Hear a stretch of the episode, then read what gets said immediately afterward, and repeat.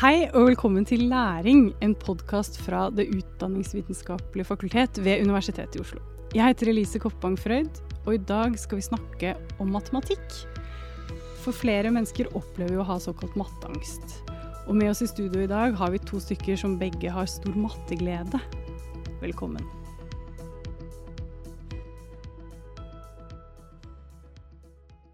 I studio i dag har vi Guri Nordtvedt, som er førsteamanuensis ved Institutt for lærerutdanning og skoleforskning, og forsker på matematikkundervisning.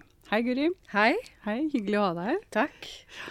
Og en annen gjest, det er forskningsjournalist i Apollon og forfatter av to bøker om matematikk, Yngve Vogt. Hei, Yngve. Hei, så utrolig hyggelig for å være med her i dag. Ja. Eh, og i dag skal vi snakke om matematikk og matematikkundervisning. Og da tenkte jeg å spørre dere om hva er de rareste mytene dere har hørt om matte? Altså hvilke misforståelser er det der ute? Eh. Ja, jeg tenker at eh, en sånn misoppfatning som eh, gjør at noen ikke gleder seg over matematikk, er at noen tror at det fins et matematikken. At det er noen mennesker som har det genet, og som kan lære matematikk. Og så er det noen mennesker som ikke har det genet, og da er det bare helt håpløst, at man kan gi opp med en gang. Men det er jo ikke sånn. Alle kan lære matematikk, men det krever jo at man er villig til å tenke og reflektere og, og arbeide. Og det kan ta litt tid. Mm -hmm. Men alle kan. Så bra. Ja. Og du da, Yngve? Jo, det jeg tror er at veldig mange har matteangst av foreldre. Og så sprer de matteangsten til sine barn, og det er veldig uheldig. Mm. Så holder man matteangsten unna, ikke sprer det videre til andre, så hjelper det kjempegodt. Og så bare, som med sønnen min, matte er gøy fra han var to år. Han lærte ikke noe annet. Og det, det hjalp veldig godt. ja. ja. Så dere har gjort tallet alt, dere, da? Hmm? Dere har gjort tallet alt? Vi, fra han var to år, ja. mm. så måtte han eh, legge, sammen, legge, sammen, tall. Og, mm. og det her funker veldig fint. Han har ikke fått noen matteangst etterpå heller. Men hvordan, altså Guri, hvordan er det da i en klasseromsituasjon? Eh, altså Er det noe læreren kan gjøre, eller Jeg tenker at det er viktig at læreren hjelper alle elevene til å se på seg selv som en elev som kan lære matematikk. Mm. Og at eh, man snakker om hva det krever, og gir elevene litt selvtillit på at om ikke de lykkes med en gang, så får de til etter hvert. Um, og det knytter seg til det der med at alle elever skal få mulighet til å utvikle en identitet som er en person som kan lære matematikk. Okay. Ja. En matteidentitet? En matteidentitet, ja. ja. At jeg er en sånn som syns det er OK å bruke matematikk. Jeg er en sånn som kan få til å lære matematikk. Ja, Og jeg liker det egentlig litt. Mm. Mm. Og hva er din matteidentitet, Yngve? Du, vet du hva, Jeg kan ta historien for jeg fikk den identiteten sjøl. Mm. Og det var da jeg var fem år gammel, så hadde vi tre kilometer til butikken. Mm. Lang vei, en forferdelig oppoverbakke i Asker. Og skulle moren min lure oss opp alle bakkene. Og da ganga vi og la oss om alle husnumrene på hele veien. Ah. Og det vi gjorde, da jeg selvfølgelig begynte i første klasse, kunne jeg jo alt. Frem til sjette klasse med legge sammen tall og gange tall. Men det å bli trygg på sånt. Og det viser seg at min mor var ikke glad i matte, det var bare for å lure oss opp alle bakkene. Men det endret mitt liv fullstendig fra den alderen der. Og har den, den matteidentiteten din, har den vært en grunn til at du har skrevet to bøker om matte? Altså hva, er, hva var liksom driven for å skrive om matematikk? Jo, det kan jeg fortelle deg. Mm -hmm. Jeg drømte om, for jeg ble jo veldig glad i matte og tall, det var det eneste faget jeg kunne, faktisk. Mm -hmm. Og da drømte jeg om sånn matte-OL eller konkurranse på mhm. skolen. Mm. Og læreren min hun var ikke minst interessert. Nei, uff da. så bare stopp med det tullet ditt. Ja. jo, altså det jeg drømte om, det blir sånn hurt, altså regnemester i matte, lære masse hemmelige triks. Og de kunne jeg ikke i det hele tatt. Så 40 år etterpå så bestemmer jeg for å lage en bok om hurtighetsberegning. Alle triks som finnes for å kunne regne hurtig. Så jeg skrev altså den boken som jeg drømte om jeg skulle ha når jeg var en liten gutt. Og det var min store greie med denne boken. Mm. Og da kan vi regne dobbelt så hurtig. Har du fått tilbakemelding fra noen på at, uh, at det har fungert? da? Du, jeg har fått tilbakemelding fra lærere som har fått det fra sine lille elever, som ikke snakker om noe annet enn disse triksene. Oi. Og da var jeg veldig happy. Så hvis det bare er én elev som er blitt begeistret, så har jeg fått til det jeg ville ha. Men hvorfor burde ikke denne boken eller den måten å tenke på vært en del av matteundervisningen? Guri? De skal jo jobbe med strategi i fodregning, mm. særlig i småskolen. Um, og finne forskjellige måter. Og det handler om å bli fleksibel og ha godt tallbegrep. Og kunne behandle tall på forskjellige måter. og når man blir større og får mer komplekse sammenhenger, kunne liksom forenkle og, og regne litt raskt i hodet så man har noen forventninger til svar og hva som skal skje. Så det står i læreplanen. Men, og det skjer nok, men hvis det skjer litt sånn oppskriftsmessig, så kan det hende at det er vanskelig å få med seg alle elevene. Det er kanskje bedre også å jobbe med det som om man jobber med å utvikle fleksible strategier. At elever får foreslå metoder. At jeg snakker om hvordan jeg har regnet, og du snakker om hvordan du har regnet. Og så snakker vi om kanskje hvorfor går det fortere på din måte enn på min? Gjorde du noe med tallene først? Sånn at du kan jo lukke øynene, og så kan du prøve å ta 37 pluss 19. Og så kan du tenke på etterpå hvordan gjorde jeg det? Hva, hva gjør jeg for å regne det raskere? Mm. Mm. Og det er ikke noe veldig vanskelig regnestykke. Så det er enkelt å gjøre i klassen med elevene. Og må, når man gjør det med voksne, så er det litt kjedelig, for de gjør så få måter. Men hvis man gjør det med elever, så er det masse kreativitet i hvordan de gjør det. Og da har man et godt grunnlag for å snakke om hva som er effektivt, og hvorfor det er fint å hoderegningsstrategier. Mm. Så det å på en måte da tydeliggjøre at vi tenker ulikt, da. Ja, det tenker jeg er klokt. Ja. ja. Mm. Ja, Hvordan regner dere 37 pluss 19, da? 50, er, jo, hvis jeg hadde gjort det her. Ja. 37 pluss 20 minus 1. Ja, Samme hos meg. Ja. ja. Vel, men det du sier nå, det er musikk i mine ører. Ja, ja, ja. ja. men noen elever ville jo regnet um, 40 pluss 20 minus 4. Mm. Ikke sant? Mm. Noen ville regnet regne 37 pluss 10 pluss 9. Mm. Noen vil regne 37 pluss 10 pluss 10. Det, det finnes, så når du gjør det med elever, så får du mm. masse forskjellige forslag. Og da kan vi også mm. snakke om er det noe annet å ta 37 pluss 10 pluss 10 minus 1 enn å ta 37 pluss 20 minus 1. Og for noen barn så tenker de ja, men det er jo to metoder. ikke sant? Mm. Og, men er den ene raskere enn den andre? Mm. Er det mer effektivt? Um, mm. Er det mer effektivt for meg, men ikke for deg? Fordi at jeg trenger å bli litt mer trygg på tallene? Mm. Men når vi da snakket liksom om disse med misforståelsene, mytene om matte, så tenker jeg det Jeg husker selv at noe var rett og galt. Altså Kan det være liksom en krasj mellom det å tenke at det er rett og galt, og så tenker man at den måten man selv regner på, er feil, eller Det skjer jo. Ja. Ikke sant? Det skjer det at um, Det skjer det at, at lærere sier at vi skal regne det på min måte. Og da blir det jo vanskelig å jobbe med fleksible strategier og, og alternative løsningsmåter. Uh, og mange, mange, av de barna som har matematikkangst, de har jo opplevd det at når, når, man er liten og regner mest med tall, så er det jo sånn at det er bare ett svar på 37 pluss 19. Men vi kan regne det på forskjellige måter. Og hvis man da også opplever at læreren er opptatt av at vi skal gjøre det på min måte, sånn at det bare er én måte og ett svar, så får man den derre sort-hvitt, eh, rett-galt-følelsen. Og det er det en, del barn som får vondt i maven av og utvikler det vi kaller matematikkangst, som ikke er angst, men en sånn ubehagsfølelse. Det å ikke trives, være kvalm, grue seg, ha vondt i magen. Ikke se på dette her som noe de har lyst til å holde på med. Så det er viktig å, å, å være som lærer, tenker jeg, åpen på at eh, noen regnestykker har ett svar som er riktig, men ofte kan vi gjøre det på forskjellige måter. Noen litt større oppgaver, så er det jo ikke et riktig svar og et galt svar, men det er kanskje et beste svar. Eller kanskje oppgaven er mange svar, og mange av de svarene klarer vi å finne. Og da blir det jo rom for mer kreativitet i undervisninga, tenker jeg. Og da blir det jo gøy. Det gjør det. Og så har du snakket om noe som heter klasseromskontrakt. Sa jeg det riktig nå? Ja. ja. ja. En klasseromskontrakt, hvis jeg skal si det på en veldig enkel måte, så er det skrevne og uskrevne regler for hvordan elevene og lærerne har det sammen i matematikkundervisningen som regulerer hvordan de opptrer, og hva man gjør og ikke gjør. F.eks. så kunne en del av en sånn kontrakt være at i klassen vår er det viktig å forklare hvorfor eller hvordan vi har kommet frem til en svar. Man kan ikke bare si hva svaret er. Vi har ikke sånn hurtigkonkurranse om å rope ut svaret fort, men vi skal, vi skal forklare hvordan. Eller så kan regelen være at uh, feil er noe som gir grunnlag for læring. I noen klasser så ler jo elevene av de andre når de gjør feil. Vet ikke om dere opplever det, men det er veldig trist for den som blir ledd av. Og da kan man jo bidra til den der ubehagsfølelsen. Mange sånn, den klasseromskontrakten, I mange klasserom så blir den til bare at elevene og lærerne er sammen. De har med seg erfaring fra andre klasser, eh, kanskje fra andre skoler. Men man kan jobbe med den, og man kan skape en sånn klasseromskontrakt som gir god grobunn for å ha et godt matematikkmiljø i klassen, da, som gir plass til alle elevene, og som gjør at alle elevene kan delta. Um, og så er det en del ting som læreren kanskje må tenke på sånn når det gjelder egne holdninger og hva man ikke ser. Sånn at når man har stille elever at eh, Noen lærere tenker da at oh, stille elever, ja, de er bare passive. De orker ikke, de vil ikke. Men kanskje prøve å finne ut hvorfor de er stille. Kanskje mm, tror de at det er litt upassende å bryte inn i undervisningen.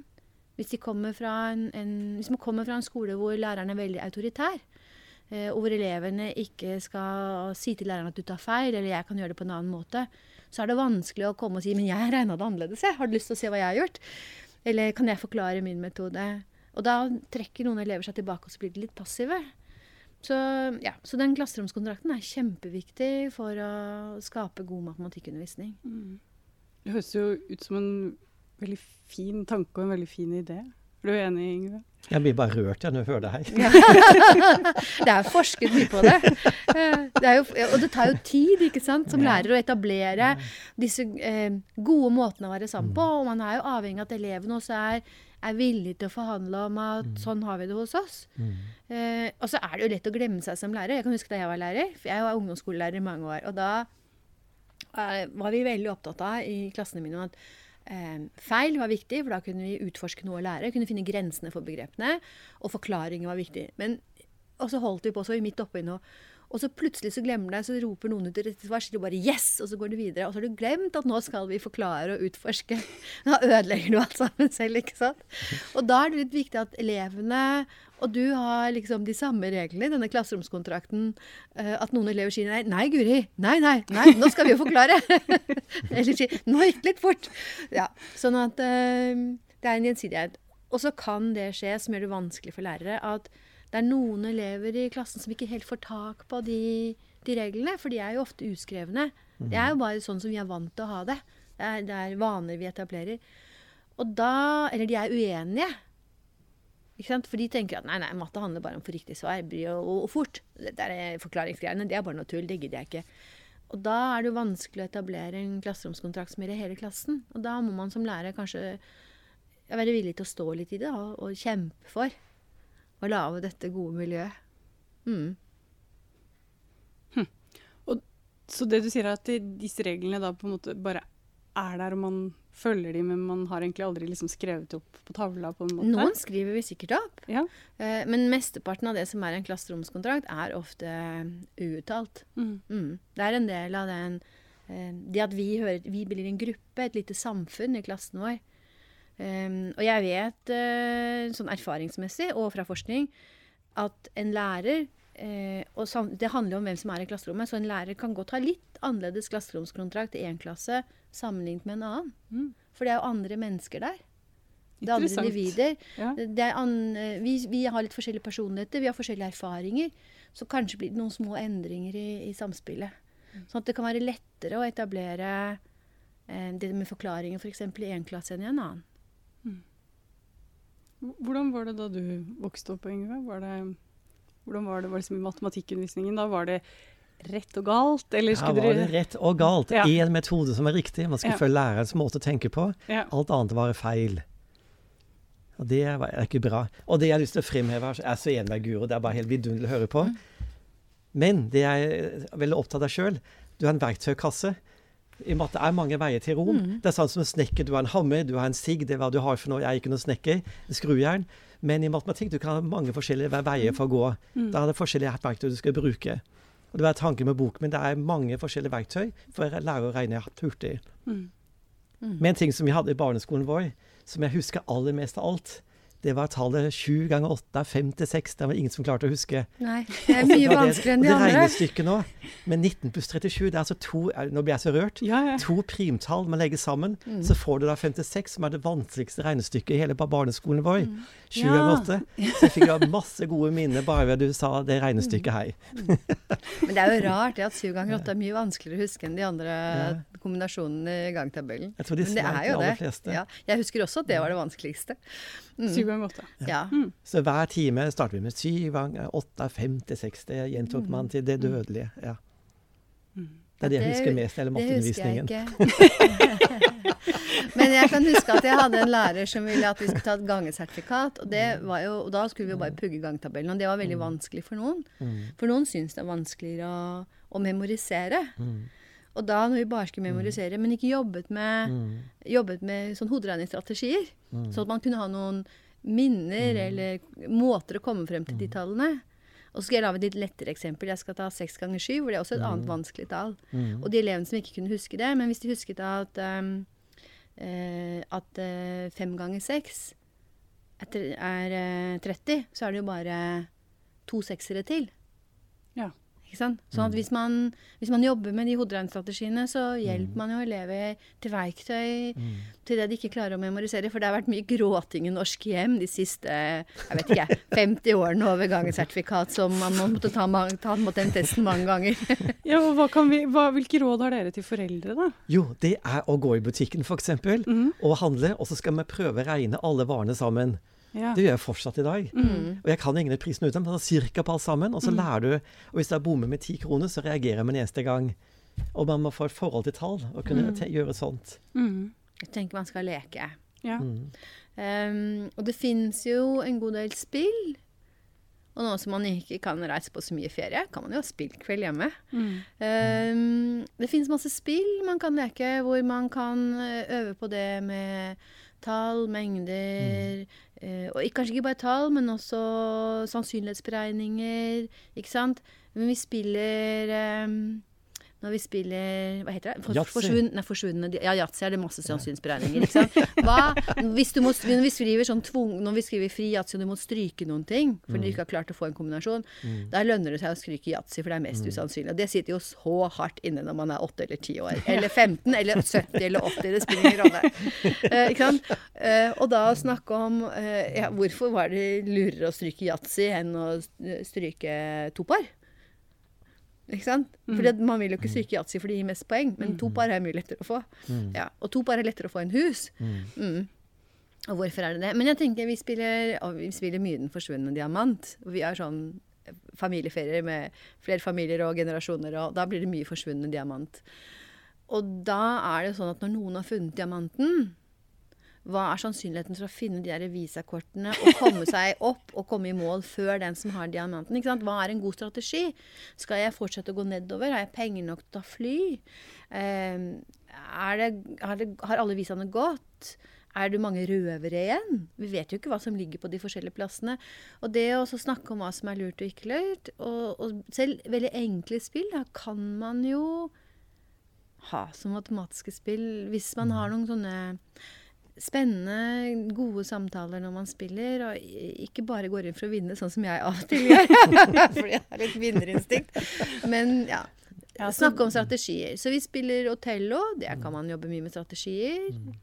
Forsvunnen diamant, som kanskje ikke er fullt så morsomt. Yatzy. Men det vil jo ikke barna spille lenger. Men du mener du at hvis man er god i matematikk, så vinner man oftere enn en forsvunnet diamant? Jeg håper det. det er strategien. Det er strategien. Ja. Du kan jo prøve. Det kan jo være et sommerprosjekt. Ja. Ja. Da må man spille 100 ganger og så prøve seg frem. Mm, se hvor mange ganger du vinner hvis du begynner å regne på Det blir jo ganske avanserte sannsynlighetsmodeller, da. Mm.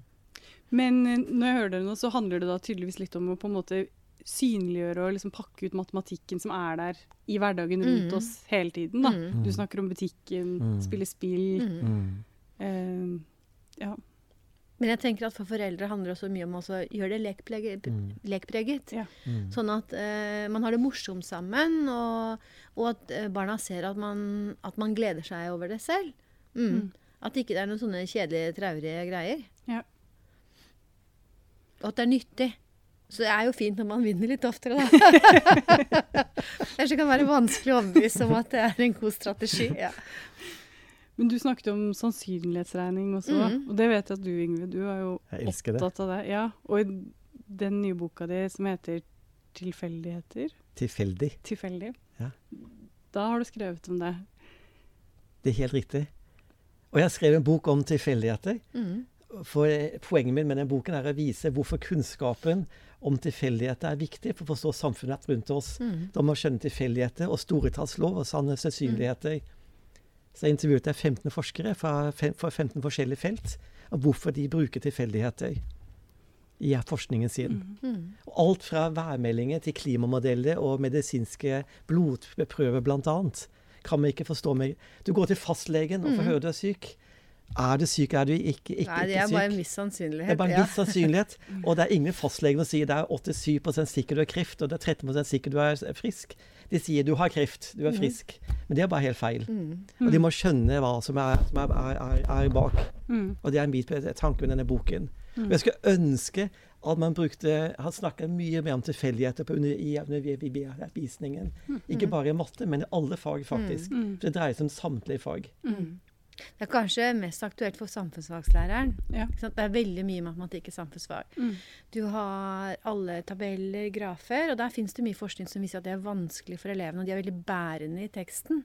Mm. Ikke sant? Bare en befolkningspyramide er veldig vanskelig å forstå som en matematisk representasjon. Mm. Og hvis ikke læreren bruker tid på å forklare det for elevene, så forstår de jo ikke samfunnsfagsteksten som det de skal lære.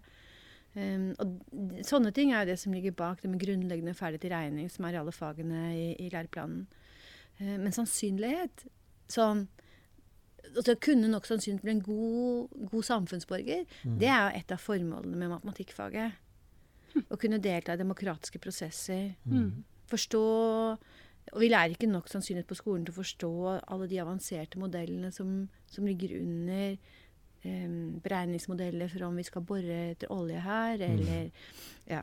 Mm. Om, nå i eh, den våren 2020, når det kom alle disse grafene på nyhetene om pandemi og smitteutsatthet og om forecasting av hva som kan skje og ikke kan skje, så er det ganske avansert. Og vi ser jo også at det av og til blir litt feil i media. Men det å kunne nok være trygg nok til å forstå at det er jo ingenting som er 100 sikkert. Det er alltid en usikkerhet. Hvor stor er den? Skal vi ta hensyn til den usikkerheten? Mm. Er, vi, um, er det alternativet um, så bra eller så dårlig at, uh, at den ikke har noe å si? Ja. Og, så det er viktig. Nå er det blitt mye mindre sannsynlighet i læreplanen, og det syns jeg er litt trist. Det er en katastrofe. Mm. Ja. Og det var jo veldig mange av, det er veldig mange av lærerutdanningsmiljøene som skrev det inn i høringene. Altså at de var imot det? Ja, i, Mm. den, i fagfornyelsen nå, at Mm. det er blitt mye mindre sannsynlighetsregning i, i læreplanene. Mm. Nesten ingenting i grunnskolen. Mm. Og det er jo der matematikkfellesfag i hovedfag er. Mm. Og det er det som skal Mm. skape det, det grunnlaget du har med deg ute i verden. Um, ja, så jeg syns det er synd. Jeg tror at det var en feil beslutning å, Mm. å tone det så mye ned. Og det er klart det er utfordrende for elevene og utfordrende for lærerne, men det er jo et av de områdene hvor det man har av matematikk på skolen, hvor man liksom kan jobbe med et begrep som kritisk matematikkundervisning, hvor man bruker det man lærer i matematikk til å prøve å se på ting, forstå ting, kan se at det har en anvendelse i samfunnet. Utover det å liksom skulle gå i butikken, male et rom, som er eh, eksempler som man møter jeg vet ikke hvor mange ganger, og litt til det kjedsommelige. Men hvor man kan få se på aktuelle ting da, som, skjer i, som er i media, som skjer i samfunnet. og eh, se om man, man Man jobber jo ikke med nok i skolen til at man kan forstå det til bunns, men bare se at det handler om noe av det man, vi holder på med. At det vi jobber med i matematikktimene våre nå, det er starten på det man trenger for å jobbe med de tingene. Mm. Og det eksempelet du hadde med eh, i forhold til korona, Mm. det var jo ganske mange tror jeg, som var veldig bekymret når man så disse tallene på Mm. TV-en. Mm. Så det dere sier òg, er vel litt at eh, det å lære om sannsynlighet kan være på en måte en måte å ha litt mer kritisk innstilling da, til det du får presentert. Eh, altså at du Ja. selv er rustet til å liksom kunne gjøre din egen vurdering litt av de tallene du får. For vi får jo veldig mye tall hele tiden gjennom media. så, eh, så det Ja, og litt mer livsmestring, tenker jeg, for mange mennesker har jo vært veldig redde. Eh, og så husker jo ikke alle tallene. Men hvis man sier at det var 5000 syke mennesker i Norge, og vi er 5 millioner, så blir jo det én syk per 1000. mm. Og så vet man jo det at mennesker smitter hverandre, så det er jo ikke sånn at de, den én per tusen er spredt like mye utover hele Norge. Det er derfor det er flere smittetilfeller i Oslo hvor det bor flere mennesker. Da må det bli flere smittede. Og så opplever folk kanskje litt sånn Man smitter jo hverandre med de man er nær. På jobb eller privat. Sånn at, eh, ja. Men det, og samtidig er det heller ikke sånn at hvis det bor bare 700 i en bygd, så er det ingen syke. så lever vi godt. Ikke sant? Og det, også, og det å ha litt sånn magefølelse, da. Mm. For tall, relasjoner, forhold, og det å kunne forstå forholdstall. Mm. Eh, jeg vet ikke om det er på sin plass med litt sånn slemme historier, men jeg satt hos frisøren. Og så sa naboen, na, frisøren til nabostolen du, du, du, kan vi snakke sammen? Så gikk de bak forhenget. Og det bærer jo ikke noen lyd. Så sier hun ene du, jeg skal farve håret. Og her står det på krukken sånn én, to prikker, tre. Er det en tredel eller en firedel? tenkte jeg, åh, bra spørsmål. Skikkelig bra spørsmål. Og så sier hun andre nei, jeg pleier bare å dæsje litt, jeg. Jeg vet ikke. Og det er jo farlig hvis man driver med ting som kan etse, f.eks. Så da tenkte jeg jeg skal aldri farve håret. Og hvis jeg skal gjøre det, skal jeg blande selv. Så det handler jo sant, det handler om livsmestring, det handler om sikkerhet, det handler om glede. Mm. Glede, ja. Hvordan da? Ja, å mestre ting. Ja. Ja, Få til ting. Um, se at matematikk i seg selv er vakkert. Jeg tror det er litt sånn med deg og de hoderegningsstrategiene, at det er, du syns det er vakkert. Og det er ekstremt vakkert. Ja. Derfor jeg faller for det Og her. det, og det er Ja. en estetikk, ikke sant, og de holder på med matematikk. Det er jo Noen ser på det som kunst. Gjør du det, Yngve? Ja, matematikk er kunst. Men det jeg også har lyst til å si, Ja. er verden er ingenting i verden er ek ek ek eksakt. Alt dreier seg om tilfeldigheter. Det er ett fagfelt som er eksakt, og det er matematikk. Det er det eneste eksakte fagfeltet jeg kommer, kommer på. Og så er matematikk det eneste fagfeltet som kan beskrive tilfeldig. Det er ikke eksakt. Du har da stokastikk som er eksempel. Som jeg definerer det. Stokastikk er en eksakt lære om tilfeldigheter. Stoka, stokastikk Stokastikk? ja, er den eksakte læren om tilfeldigheter. Og bare det er bare så utrolig vakkert. Ordet er- eller Ja, ordet. Ordet bare også. det er oppdaget, begrepet ordet. Så jeg hadde da da jeg var student, så hadde jeg stokas- stokastikk i sånn tittel i telefonkatalogen. For jeg ble så forelsket i dette ordet. Og hele boken handlet om det stokastikk, selvfølgelig. Mm. Jeg tror jeg har et litt annet, um, en litt annen relasjon til matematikk enn Yngve. Um, for jeg tenker på matematikk som et språk som hjelper oss å forstå verden. Oi, det var vakkert sagt. Ja. Mm. Ja, inni, ho- inni hodet mitt og inni hjertet mitt er det veldig vakkert. Og det handler om at vi bruker jo matematikk til å modellere de fenomenene som er rundt oss, for å forstå dem. For å skape orden. For å kunne ta valg. Mm. Så ja. Jeg er helt enig med deg. Ja, det er det, ja. Jeg skulle ja. gjerne skrevet det i boken selv. Det var et veldig fint uttrykk å si. Ja, du kan få lov til å sitere meg på det. ja, uten kilde. Nå har vi jo vært innom noen gode tips, syns jeg, da, som jeg skal ta med meg selv òg. Det med hvordan skape engasjement for eh, matematikk i hjemmet. Da, med da eh, gå i butikken og tenke matte der, eller lekene hjemme med spill. Men det er jo altså disse lærerne da, som skal undervise i matematikken. Hvilke råd har dere til dem? Jeg tenker at man må være åpen og inviterende. Um, og den undervisningen Yngve beskrev at han var med, den var veldig lærersentrert. Nå har vi jo besluttet på nasjonalt nivå at undervisningen i Norge skal være elevsentrert. Den skal jo handle om elevenes mulighet til å lære. Så jeg tenker at for en lærer så handler det om å ha et positivt syn på matematikk. Ikke kan Tenke at uh, matematikk ikke er én metode, ett svar, lærerens metode, men tenke at i matematikk så handler det om å utvikle strategier, metoder, være åpen, invitere elevenes tenking inn. Gi plass for alle elevene. Um, være klar over at det synet man har på matematikk selv, påvirker elevene. Så man må finne matematikkgleden i seg selv. Så skal man gi matematikkglede til elevene sine. For hvis man selv er litt redd for matematikk og redd for å regne feil um, og Blir litt sint hvis ikke ting går sånn som man vil, så tror jeg det er vanskelig å skape den gode klasseromskontrakten. Men ja, så faglede Finne matematikkgleden i seg selv. Ja, Hvordan skal du gjøre det, da? Lese Ja, boka til Yngve? Ja, kanskje. For det er jo noen av de som underviser matematikk, som har hatt eh, undervisning selv, som ikke har dem, gjort dem glad i matematikk. Um, og som kanskje er litt usikre faglig. Og da handler det jo om at man kanskje må finne en måte å gjøre seg selv trygg på. Og jeg tror ikke det er å sitte og regne alle regneoppgavene hjemme selv kvelden før. Men kanskje tenke at det er ikke så farlig om jeg gjør en feil, for da kan jeg si til elevene OK, dette, nå kan vi utforske sammen hvorfor det ble feil. For da lærer vi noe om det kan, hvordan det kan gjøres riktig. Å tørre det. Mm. Så jeg tenker det handler mye om åpenhet, det handler mye om å invitere inn til fagglede.